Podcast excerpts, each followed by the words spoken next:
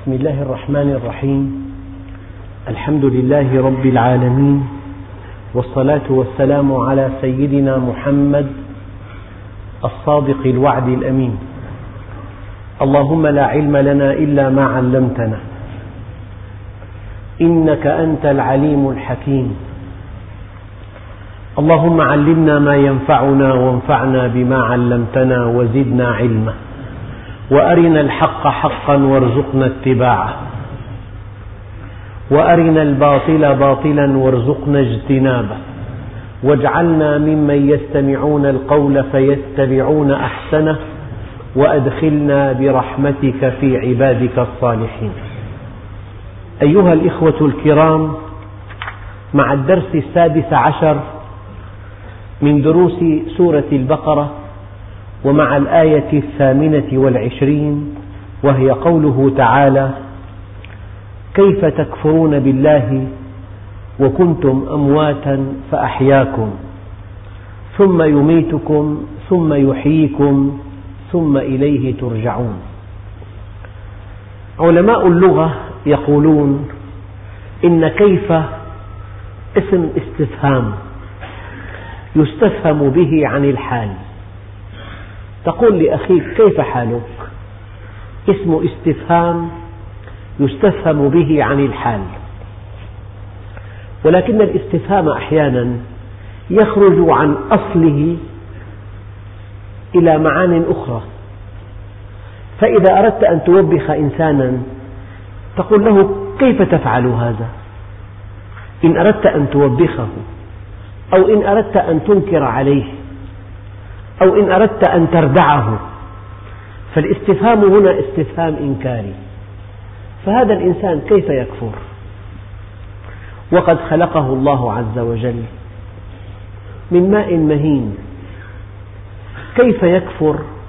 وقد خلق له ما في الأرض جميعا. كيف يكفر؟ وقد منحه نعمة العقل. كيف يكفر؟ وقد خلق له من نفسه زوجة. كيف يكفر وقد خلق له من نفسه أولادا يتحركون أمامه وهو يعلم علم اليقين كيف تم خلق هؤلاء الأولاد من نطفة من ماء مهين كيف يكفر وكل ما حوله يدل على الله عز وجل كيف يكفر وما في الكون شيء إلا ويشير إلى الله موجودا وواحدا وكاملا.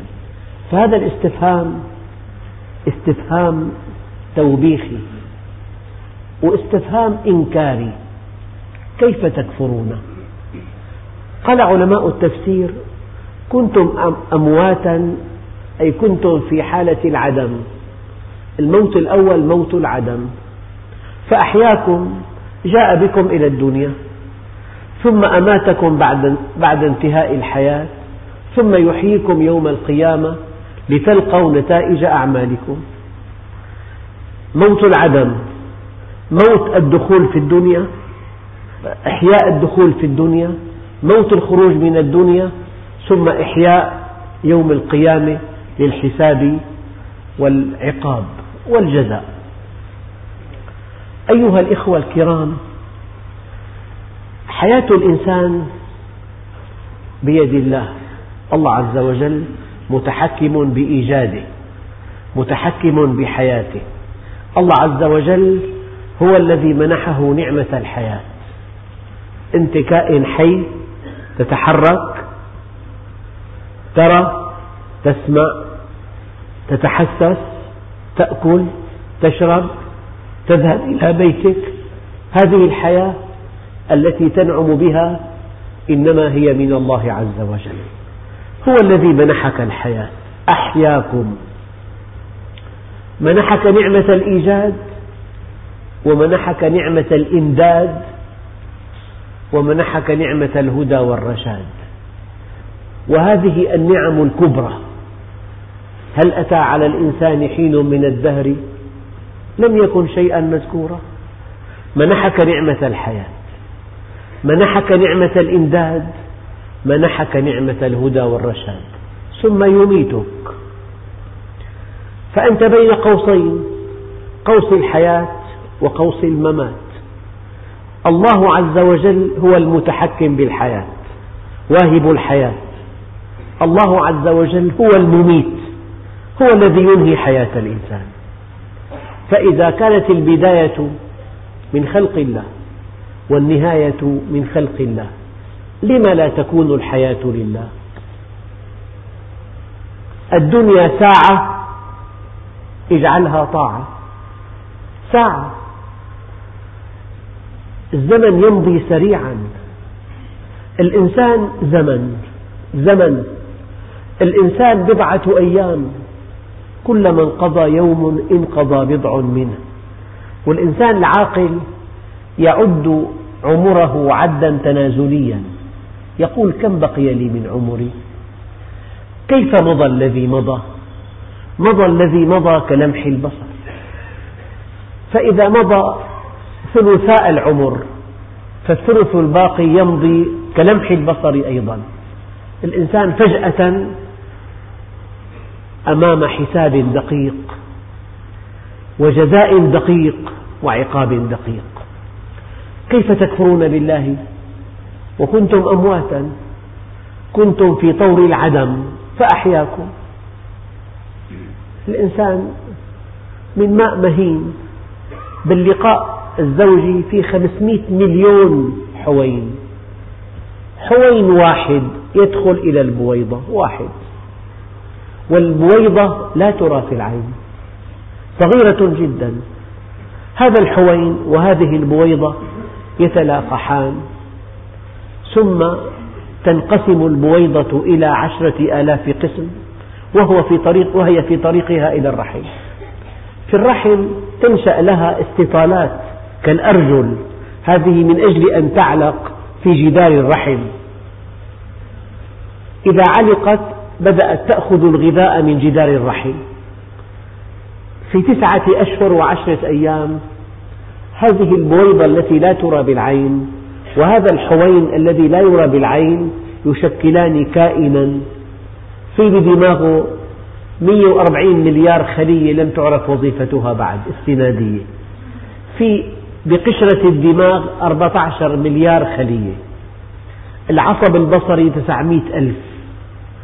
الشبكية 130 مليون عصية ومخروط. الشم 20 مليون نهاية عصبية شمية. لكل نهاية سبع أهداب. الأهداب مغمسة بمادة معينة. تتفاعل مع الرائحة. الرائحة تصبح شكلا هندسيا تشحن إلى الدماغ. بالدماغ تعرض على ملف في عشرة آلاف رائحة. من أجل أن تعرف الروائح. ومن أجل أن ترى الأشخاص. بحجمها الحقيقي بلونها الدقيق والعين البشرية تفرق بين لونين بين درجتين من ثمانمائة ألف درجة من اللون الواحد. لو درجنا لونا واحدا ثمانمائة ألف درجة العين البشرية السليمة تدرك الفرق بين درجتين. برأس الإنسان ثلاثمئة ألف شعرة لكل شعرة وريد وشريان وعصب وعضلة وغدة دهنية وغدة صبغية. شعر الإنسان دماغ الإنسان السمع البصر الشم السمع قضية معقدة جدا جهاز التوازن. الغدة النخامية وزنها نصف غرام تفرز 12 هرمون ملكة الغدد تسيطر على كل الغدد الصماء في الجسم. ملكة. نصف غرام وزنها تفرز 12 هرمون. كل هرمون لو تعطل إفرازه لأصبحت حياة الإنسان جحيما. هرمون النمو هرمون الجنس هرمون توازن السوائل. شيء لا يصدق. الغدة الدرقية مسؤولة عن الاستقلاب تحول الغذاء إلى طاقة. الكظر مسؤول عن عن مواجهة الأخطار. الخطر الداهم يعطي أمر للقلب برفع نبضه وأمر للرئتين بزيادة وجيبهما وأمر للكبد بطرح كمية سكر إضافية وأمر للأوعية تضيق لمعتها وأمر للكبد بإفراز هرمون التجلط. شيء لا يصدق. هذا الكظر. والمعدة 35 مليون عصارة في المعدة. تفرز في وجبة الطعام لتر ونصف حمض كلور ماء من أجل هضم الطعام والبنكرياس والطحال والكبد فيه خمسة آلاف وظيفة. وكل خلية من خلايا الكبد تقوم بكل هذه الوظائف. كل خلية. والعظام والعضلات والأعصاب والقلب والشرايين. هذا كله يصنع في أكمل صناعة في تسعة أشهر. فالحياة منحنا الله إياها والموت بيد الله. إنسان ملء السمع والبصر غني قوي بثانية يصبح خبرا. نعوة أبدا. ينتهي. فجعلناهم أحاديث. واهب الحياة هو الله. المميت هو الله وحياتك بين هذين القوسين فلم لا تكون لله عز وجل؟ الدنيا ساعة اجعلها طاعة. في أول ليلة يوضع الإنسان في قبره ورد هكذا في الأثر ينادى أن رجعوا وتركوك وفي التراب دفنوك ولو بقوا معك ما نفعوك. ولم يبق لك إلا أنا وأنا الحي الذي لا يموت. الآية الكريمة كيف تكفرون بالله؟ إنسان طلب من إنسان أن يعصي الله. قال له خمسة أشياء إن فعلتها لا تضرك معصية. شيء رائع جدا. ما هذه الأشياء؟ قال له إن أردت أن تعصيه فلا تسكن أرضه. قال له وأين أسكن إذا؟ قال له تسكن أرضه وتعصيه معقول؟ إذا كان الإنسان دخلك لبيته وأنت ضيفه معقول تضرب له ابنه وأنت ببيته؟ معقول تضع السم بالطعام وأنت ببيته؟ تسكن أرضه وتعصيه. قال له هات الثانية. قال إن أردت أن تعصيه فلا تأكل من رزقه. قال له وماذا آكل إذا؟ قال له تسكن أرضه وتأكل رزقه وتعصيه. معقول. قال له هات الثالثة. قال له إن أردت أن تعصيه فاعصه في مكان لا يراك فيه. قال وهو معكم أينما كنتم؟ قال تسكن أرضه وتأكل رزقه وتعصيه وهو يراك. أما تستحي منا ويكفيك ما جرى؟ أما تختشي من عتبنا يوم جمعنا؟ أما آن أن تقلع عن الذنب راجعا وتنظر ما به جاء وعدنا؟ قال له هات الرابعة قال إن أردت أن تعصيه وجاءك ملك الموت فلا تذهب معه. قال له لا أستطيع. تسكن أرضه. وتأكل رزقه وتعصيه وهو يراك ولا تستطيع أن تدفع عنك ملك الموت. قال له هذه الخامسة قال إن أردت أن تعصيه وجاء الملكان بك إلى النار فلا تذهب معهما.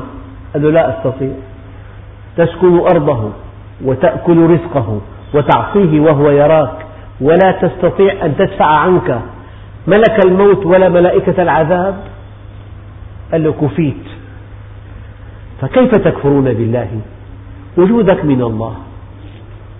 سمعك بصرك نطقك ذكاءك عضلاتك أمعاءك جهاز الهضم جهاز الدوران جهاز التصفية العظام العضلات الأعصاب كلها بيد الله.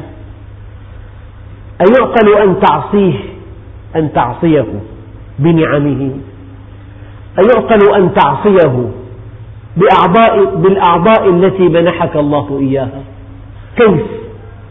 هذا استفهام إنكاري واستفهام توبيخي واستفهام تعجبي بآن واحد. استفهام إنكاري واستفهام توبيخي واستفهام تعجبي. كيف تكفرون بالله؟ وكنتم أمواتا فأحياكم. لم أرى أشد غباء من الذي يتجاهل وجود الله ويفعل ما يشاء.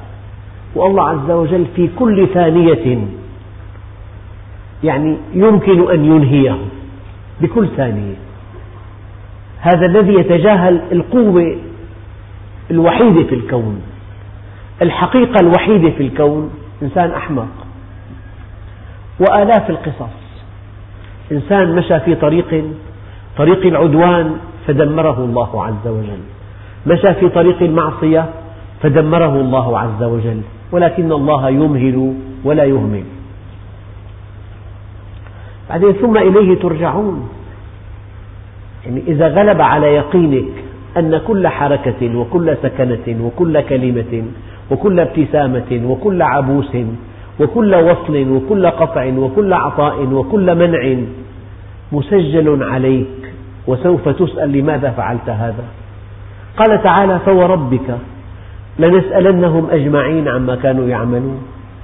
ما دام في بالعمر بقية الصلح بلمحة ما دام في بالعمر بقية الصلح مع الله سهل جدا.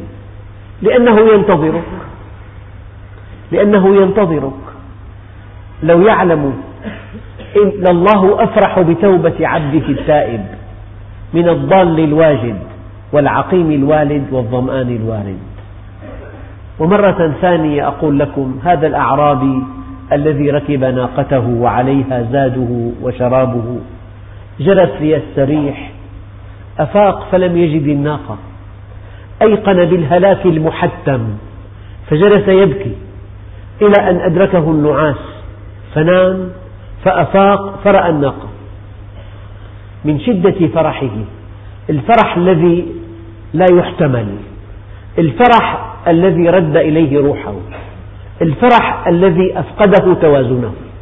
من شدة فرحه قال يا رب أنا ربك وأنت عبدي.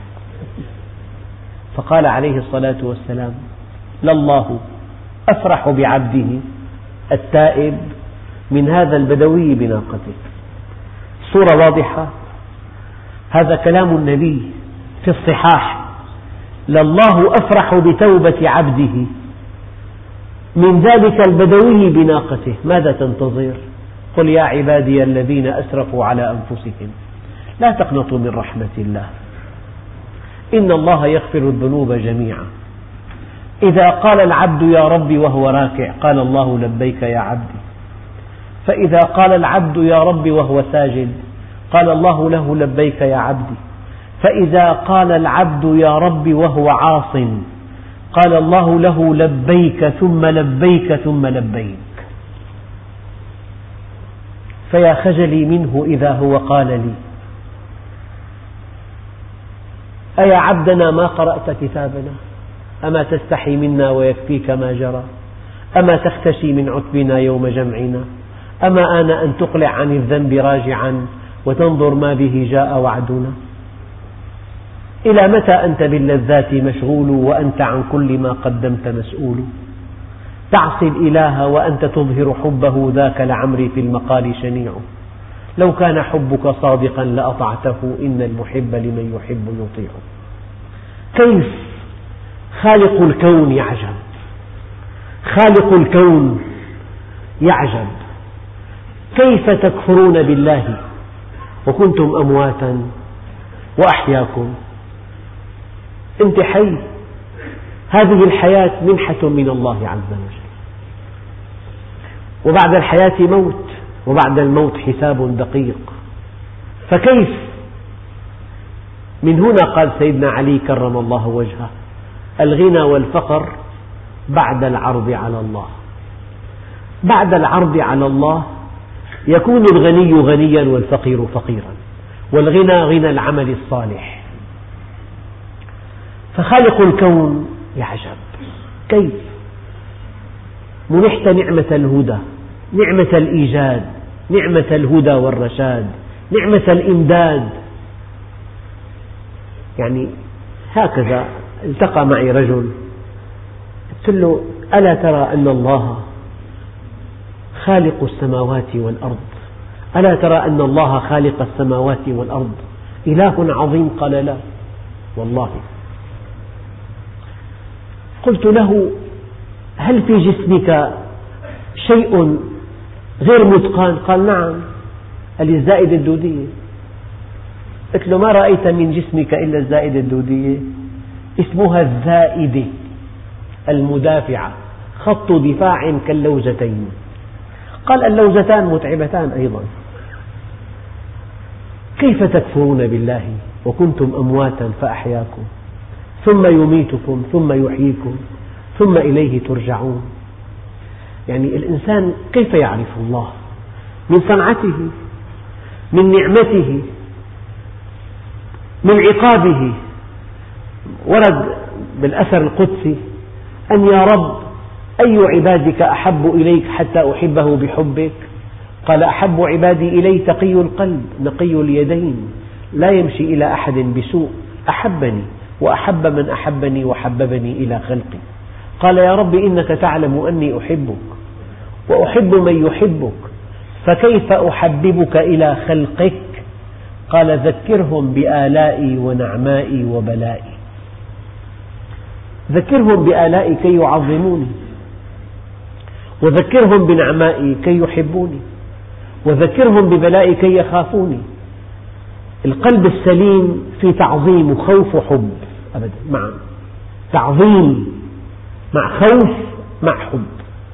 التعظيم من خلال الآيات الكونية. إذا كان تبعد عنا مجرة 300 ألف بليون سنة ضوئية وأربع سنوات ضوئية تحتاج إلى خمسين مليون عام كي نصل إليها بمركبة أرضية.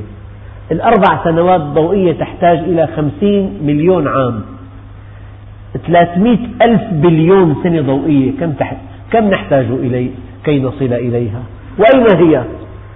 فلا أقسم بمواقع النجوم وإنه لقسم لو تعلمون عظيم. هذا الإله العظيم يعصى لا تنظر إلى صغر الذنب ولكن انظر على من اشترأت. إذا الموت الأول موت العدم. الإحياء الأول إحياء الدخول في الحياة الدنيا. الموت الثاني موت الموت عقب انتهاء العمر في الحياة الدنيا. والإحياء الثاني هو الإحياء الذي يوم القيامة للحساب والجزاء. ثم يقول الله عز وجل هو الذي خلق لكم ما في الأرض جميعا. دقق. خلق لكم. أنت أحيانا تقيم مأدبة أو وليمة. هناك ضيف شرف هو الأساسي. تدعو معه صديقه جاره ابنه. الأساس هذا الضيف الأول. فهذا الطعام صنع خصيصا لهذا الضيف. وأنت وهو يأكل الطعام يطرق الباب يأتي طارق تقول له ادخل كل معنا. هذا دخل وأكل لكن هذا الطعام صنع خصيصا لا للطارق ولكن للضيف الأول. هذا المعنى مستفاد من كلمة لكم. هو الذي خلق لكم. ما في الأرض جميعا. كم معدن بالأرض فيه؟ معادن تصدأ تصبح أملاح. معادن لا تصدأ معادن ثمينة تصلح لأن تكون قيم كالذهب والفضة. معادن مشعة معادن خفيفة. الفلزات والمعادن لا يعلم خصائصها ودقائقها وأنواعها وعددها إلا الله. وأشباه المعادن. والمواد العضوية وأنواع النباتات. في بالبحر مليون نوع من السمك. مليون. من سمكة من حوت يزيد وزنه عن 150 طن إلى سمكة تزيينية في أحواض السمك لا يزيد طولها عن سنتي واحد. فسفورية سوداء شفافة أحيانا ترى أحشاءها في أسماك تزيينية شيء لا يصدق. وفي أسماك حيتان كبيرة جدا. مليون نوع من السمك في البحر. كم نوع من الطيور؟ كم نوع من النباتات؟ يعني أذكر أنني اطلعت على كتاب ثمانية عشر جزءا. كل جزء هكذا سماكته. كل صفحة نوع من الأبصال. هذا الكتاب كله أبصال فقط غير الورود. الكتاب تحت يدي ثمانية عشر جزءا. كل جزء تقريبا يعني سماكته هكذا. وكل صفحة نوع من الأبصال. والورود والنباتات وأزهار الزينة شيء لا يصدق. هذه كلها لا للأكل لمتعة العين فقط. خلق لكم ما في الأرض جميعا. أنواع النباتات والحيوانات والأطيار والأسماك والخضروات والفواكه وأشجار الزينة لا تعد ولا تحصى. النبات نبات صنع خصيصا من أجل أثاث بيتك. خشب الزان وفي خشب صناعي. أنواع الأخشاب تزيد عن مئة نوع. مئة نوع. في آلات لا تعمل إلا على قاعدة من خشب التوت. لأن ألياف هذا الخشب مرنة ومتينة. فحركة المكوك تمتصها القاعدة. في أخشاب تصلح أساسا للأبنية الضخمة. في بناء بالمرجة أساسه من خشب. مع الماء يزداد حجمه. خشب لا يتأثر بالماء والهواء والحر والبرد إطلاقا. هذا خشب النوافذ. مصمم للنوافذ. الأمطار والرياح والبرد والحر والتبدلات لا يتغير ولا ميلي لو وضعت الخشب الأغلى منه للنوافذ لا يصلح. الخشب الزان. الزان لأساس البيوت. وفي خشب طري خشب الكبريت. للأعمال الصناعية سهل التعامل معه جدا. هذا الأشجار التي صنعت لأن تكون خشبا لك. هذه باب قائم بذاته. الآن في أشجار زينة. هدفها أن تمتع عينك بها. في أشجار مظلات. في أشجار حدودية. في أشجار تعطيك الكوشوك. أشجار تعطيك الفلين.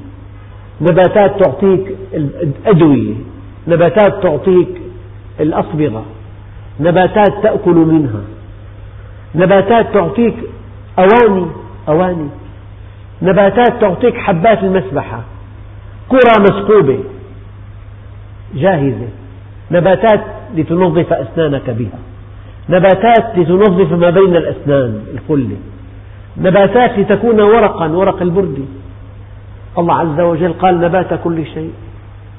في نبات ورق في نبات سواك في نبات نكاشة أسنان في نبات ليفة وجه ناعم وجه خشن. الخشن على الخشن والناعم على الناعم. نبات أنواع النباتات لا يعد ولا يحصى. كله كلها مخلوقة من أجلك. تكريما لك هو الذي خلق لكم. ما في الأرض جميعا. الجبال الوديان الصحارى السهول البحار الأنهار البحيرات الينابيع. الجبال العالية أنواع الحيوانات. كم غنمة يستهلك البشر في اليوم الواحد؟ أعداد فلكية من خلقها؟ كم دابة تستخدم لطعام الإنسان في اليوم الواحد. أرقام فلكية. هو الذي خلق لكم ما في الأرض جميعا. ولكن في عنا قاعدة أن الانتفاع بالشيء دققوا. الانتفاع بالشيء ليس أحد فروع العلم به. يعني أنت ممكن تنتفع بمكيف دون أن تفقه شيئا عن تركيبه ولا عن آلية عمله. وهذه من نعم الله العظمى. تنتفع بكل ما في الأرض دون أن يكون هذا الانتفاع مبنيا على معرفة به. إذا مسيء مدلل لك. أما لو كان في أجهزة معقدة جدا إن لم تعلم طريقة تشغيلها كأن الجهاز ما له قيمة. أما كل شيء الله خلقه جعله مذللا لك. ولكن أحيانا الرياح المذللة تصبح أعاصير مدمرة. والأمطار المنعشة تصبح فيضانات مدمرة. والأرض المستقرة تصبح زلازل مدمرة. ما حكمة الزلازل والفيضانات والعواصف؟ قال إذا توهم الإنسان أنها تعمل بأمره أو تعمل بإرادته أو أنه هو الذي استغلها وسيرها فهو واهم هو لا يملكها. تأتيه أحيانا فتنفعه وأحيانا تدمره. إذا الله عز وجل هو الذي ذللها أنت راقب. إنسان يقترب من البقرة. أحد أخواننا قال لي بقرة في في الغوطة جنة قتلت رجلين. وجرحت الثالث. ما كان من صاحبها إلا أن أطلق عليها النار فقتلها. ثمنها سبعون ألف ليرة لأنها جنة. من جعلها مذللة؟ الجمل لا تخاف منه. أما العقرب هكذا تخاف منه.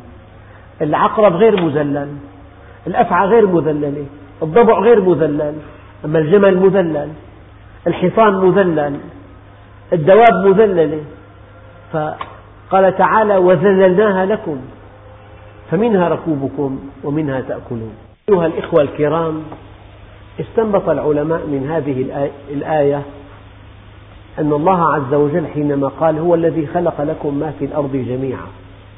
الأصل في الأشياء الإباحة. لمن خلقت؟ للإنسان. إلا ما ورد في نص تحريم. ففي الأشياء والأفعال الأصل فيها الإباحة ولا يحرم شيء منها إلا بنص صحيح قطعي الدلالة. ديننا منهجي. الأصل في الأشياء الإباحة والتحريم يحتاج إلى نص صحيح قطعي الدلالة. أما في العبادات العكس الأصل فيها الحظر. ولا تشرع عبادة إلا بنص صحيح قطعي الدلالة. فالأشياء أصلها مباحة العبادات أصلها محظورة لذلك الذي يحرم ما خلق الله للإنسان إنسان جانب الصواب. هو الذي خلق لكم ما في الأرض جميعا. ثم استوى إلى السماء. أنت بتقول الله عز وجل يعلم والإنسان يعلم. تقول الله عز وجل قدير والإنسان لك رجل قدير. فهل يعقل أن تكون قدرة الإنسان كقدرة الله؟ وأن يكون علم الإنسان كعلم الله؟ واستواء الإنسان كاستواء الله؟ الله عز وجل ليس كمثله شيء. كل ما خطر في بالك فالله بخلاف ذلك. لذلك الآيات القليلة جدا المتعلقة بذات الله. أكمل شيء أن نوكل إلى الله معناها الدقيق. كيف استوى الله إلى السماء؟ الله أعلم بهذا الاستواء. الاستواء معلوم والكيف مجهول والسؤال عنه بدعة. الكيف معلوم الاستواء معلوم لكن الكيف مجهول. استواء الله غير استواء الإنسان. استوى زيد على بلاد الشام أي ملكها. إذا أن ملكها بيد من كانت قبله المعنى لا يليق بحضرة الله عز وجل. فالاستواء إذا نسب إلى الله هناك معنى لا يمكن أن يكون كالمعنى البشري. لأن الله ليس كمثله شيء. لذلك الإمام مالك قال الاستواء معلوم والكيف مجهول والسؤال بدعة. هذا متعلق بذات الله. الأشياء المتعلقة بذات الله الأكمل أن نكل إلى الله معناها الدقيق. أو أن نؤولها تأويلا وفق ما يليق بكمال الله. وجاء ربك يعني جاء أمره إن الله سميع عليم يعني علمه وهكذا. هو الذي خلق لكم ما في الأرض جميعا ثم استوى إلى السماء فسواهن سبع سماوات. في تفسير دقيق وجيد ومقنع وراجح هو أن هذه السماوات السبع سبع بشكل دقيق. ولكن العلماء علماء التفسير خلال 1200 عام في عطارد والزهرة والمريخ والمشتري وزحل خمسة والآية سبعة. أضافوا الشمس والقمر صاروا سبعة. أما قول الله عز وجل ألم تر كيف خلق الله سبع سماوات طباقا؟ وجعل القمر فيهن نورا وجعل الشمس سراجا. في هذه الآية الشمس والقمر لا علاقة لهن لهما بالسماوات السبع.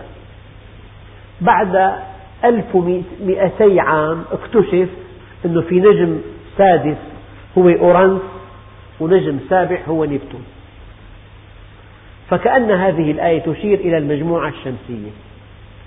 الشمس مركز هذه المجموعة والقمر تابع للأرض.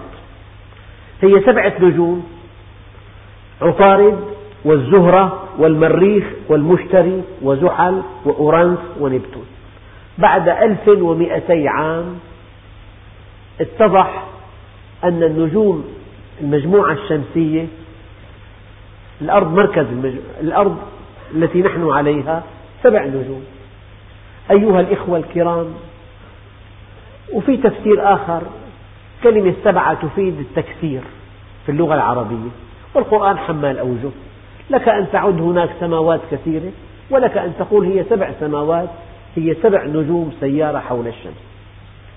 هو الذي خلق لكم ما في الأرض جميعا ثم استوى إلى السماء فسواهن سبع سماوات وهو بكل شيء عليم. على كل هذه الأشياء مسخرة لنا ونحن ما فعلنا شيئا إلا أننا انتفعنا بها. يعني كل شيء الإنسان ظن أنه قدمه موجود بالأرض. كشفه فقط. في إنسان صنع معدن اكتشف المعدن. يعني نحن في عنا وهم كبير أن الإنسان حقق معجزات. الإنسان ما فعل شيئا إلا أنه اكتشف واستفاد. أما أشياء موجودة المعادن موجودة البترول موجود كل شيء الإنسان يزهو به موجود في الأرض ومسخر ومذلل. والدليل الشيء نفسه أحيانا يستعصي. الأرض مذللة فإذا اهتزت انتهى كل شيء. والرياح مذللة فإذا هاجت دمرت كل شيء. والماء مذلل فإذا زاد عن حده المعقول دمر كل شيء. معناها فيضان الأنهار وانتشار العواصف المدمرة. وزلزال الأرض هذا يؤكد أن الإنسان ضعيف وأن هذه الأشياء المذللة له أرادها الله مذللة فإذا أخرجها عن طبيعتها يعني مرض جنون البقر في بريطانيا. بريطانيا فيها أكبر قطيع بقر بالعالم. الدولة الأولى المصدرة للحوم البقر وتوابع هذه اللحوم. أطعمت البقر طحين لحم الجيف البقر مصمم نباتي. أطعموه طحين اللحم. فجن البقر. هذا الجنون الاعتلال الدماغي الإسفنجي اسم المرض. اعتلال دماغي إسفنجي. هذا الجنون سبب أنهم سوف يضطرون إلى حرق 13 مليون بقرة. ثمنها 33 مليار جنيه استرليني. حينما جنت لم تعد مذللة ومرضها قد ينتقل إلى الإنسان. وهذا شيء خطير جدا. فكل هذه التجارة توقفت. فالأشياء مذللة. إذا الإنسان ظن أنه هو يسخر الطبيعة وسيطر عليها واستغلها وهي تعمل بإمرته هذا كلام في جهل كبير جدا. ما في شيء مذلل إلا بلحظة من اللحظات يستعصي على أن يكون مذلا لك. هذا شيء نراه كل يوم. أنت بالسير تمشي بلحظة الإنسان يشل يرى بلحظة يفقد بصره. يسمع بلحظة يفقد سمعه. يفكر بلحظة يفقد عقله. بلحظة يموت فجأة. والله كنا في تعزية البارحة. شاب في الثانية والثلاثين عاما. في ريعان الشباب. وهو حافظ لكتاب الله. متقن للقراءات العشر. توفاه الله عز وجل لسبب صغير جدا. يعني أصابه سعال شديد وارتفع ضغطه. ضغطه جعل سكتة دماغية 32 سنة. من منا يضمن أن يعيش ثانية واحدة؟ فالحياة تبدأ. حياة الإنسان الله عز وجل هو الذي خلقها. والموت يخلقه. هو الذي خلق الموت والحياة. ليبلوكم أيكم أحسن عملا. فما بين الحياة والموت ينبغي أن يكون لله عز وجل. لله. القوس الأول الحياة والقوس الثاني هو الموت. أنت بين قوسين. وخالق الحياة هو الله وخالق الموت هو الله. وهو معك دائما. كيف تعصيه؟ هذا شيء مستحيل. فاليوم درسنا أيها الإخوة كيف تكفرون بالله؟ استفهام تعجبي استفهام إنكاري استفهام توبيخي. وكنتم أحياء أمواتا فأحياكم ثم يميتكم ثم يحييكم ثم إليه ترجعون. والله أيها الإخوة الموت وحده أكبر درس. كل شيء بتملكه بثانية تفقده. لا الميت بكل درج خاص عنده بعض التحف. يفتح هذا الدرج وتؤخذ مقتنياته. يؤخذ مفتاح سيارته. ما في شيء بحياته حريص عليه إلا بعد موته يفقده أبدا. يصبح جثة هامدة. يكون معه مئات الملايين. الخام أسمر مو مقصور حرام مقصور. أسمر. الكفن خام, خام أسمر. والقبر ما في قبر خمس نجوم. ولا نجمة في نجوم الظهر. هذا القبر هذا القبر هو المسوى الأخير. مهما اعتنيت ببيتك القبر هو المسوى الأخير. كفى بالموت واعظا يا عمر. هذا الحدث الذي لا بد منه. العاقل والذكي والموفق الذي يعد لهذه الساعة التي لا بد منها. هذا الحدث حدث الموت ينبغي ألا تفاجأ به. ينبغي أن تسعى ليلا نهارا إعدادا له. لأن القبر سيكون روضة من رياض الجنة أو حفرة من حفر النيران. النار آل فرعون النار يعرضون عليها غدوا وعشيا. من ستة آلاف سنة. ويوم تقوم الساعة أدخلوا آل فرعون أشد العذاب. هذا القبر والقبر مصير كل حي. يعني نحن بهالمسجد هذا كم أخ كان معنا فقدناه؟ كم أخ والله مئات كان ملء السمع والبصر. توفاه الله عز وجل.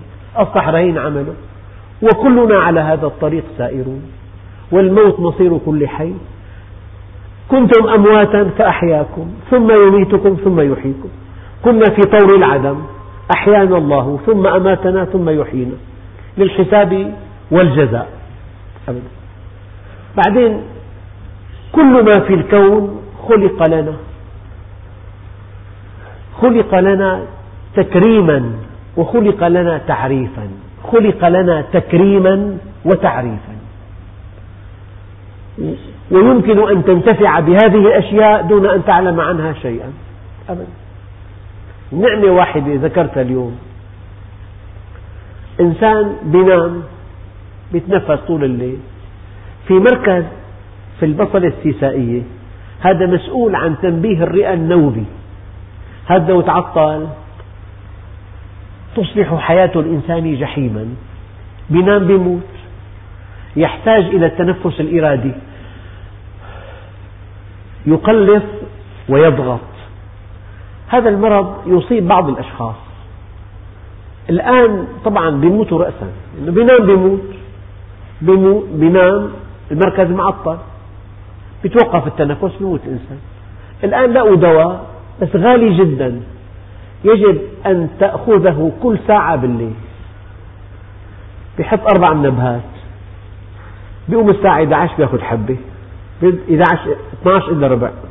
بيصحى 12 ربع بياخذ الساعة 12 حبة. والساعة واحدة حبة. والساعة تنتين حبة. والساعة ثلاثة حبة. والساعة أربع حبة. نعمة التنفس الآلي تعرفوها النعمة نعمة الهضم الآلي. خمس ساعات طعام ليهضم. آلية معقدة جدا. حمض كلور الماء والبنكرياس والصفراء والكبد. أنت بس كل وامشي كل وروح نام. الواحد لو كان الهضم بيدنا تجيك أربع لا والله عندي هضم ما بقدر. ما فيني شيء عندي هضم. الهضم كل ارتاح القلب يعمل آليا. لو كان بيدك القلب الانتحار صار سهل جدا. مو بيدك القلب ما ربطوا لك القلب. والرئتين كذلك. ملايين النعم هذه نعيشها ولا نعرف عنها شيئا. ماشي على قدمين متوازن أنت. لو اختل جهاز التوازن فكيف تكفرون بالله؟ وكنتم أمواتا فأحياكم ثم يميتكم ثم يحييكم ثم إليه ترجعون. هو الذي خلق لكم ما في الأرض جميعا. ثم استوى إلى السماء فسواهن سبع سماوات وهو بكل شيء عليم. هذا فضل الله علينا. ما علينا إلا أن نطيعه وأن نحبه وأن نعظمه وأن نخافه وأن نخلص إليه وأن نشتاق إليه وأن نجعل إلهي أنت مقصودي ورضاك مطلوبي. قل إن صلاتي ونسكي ومحياي ومماتي لله رب العالمين والحمد لله رب العالمين.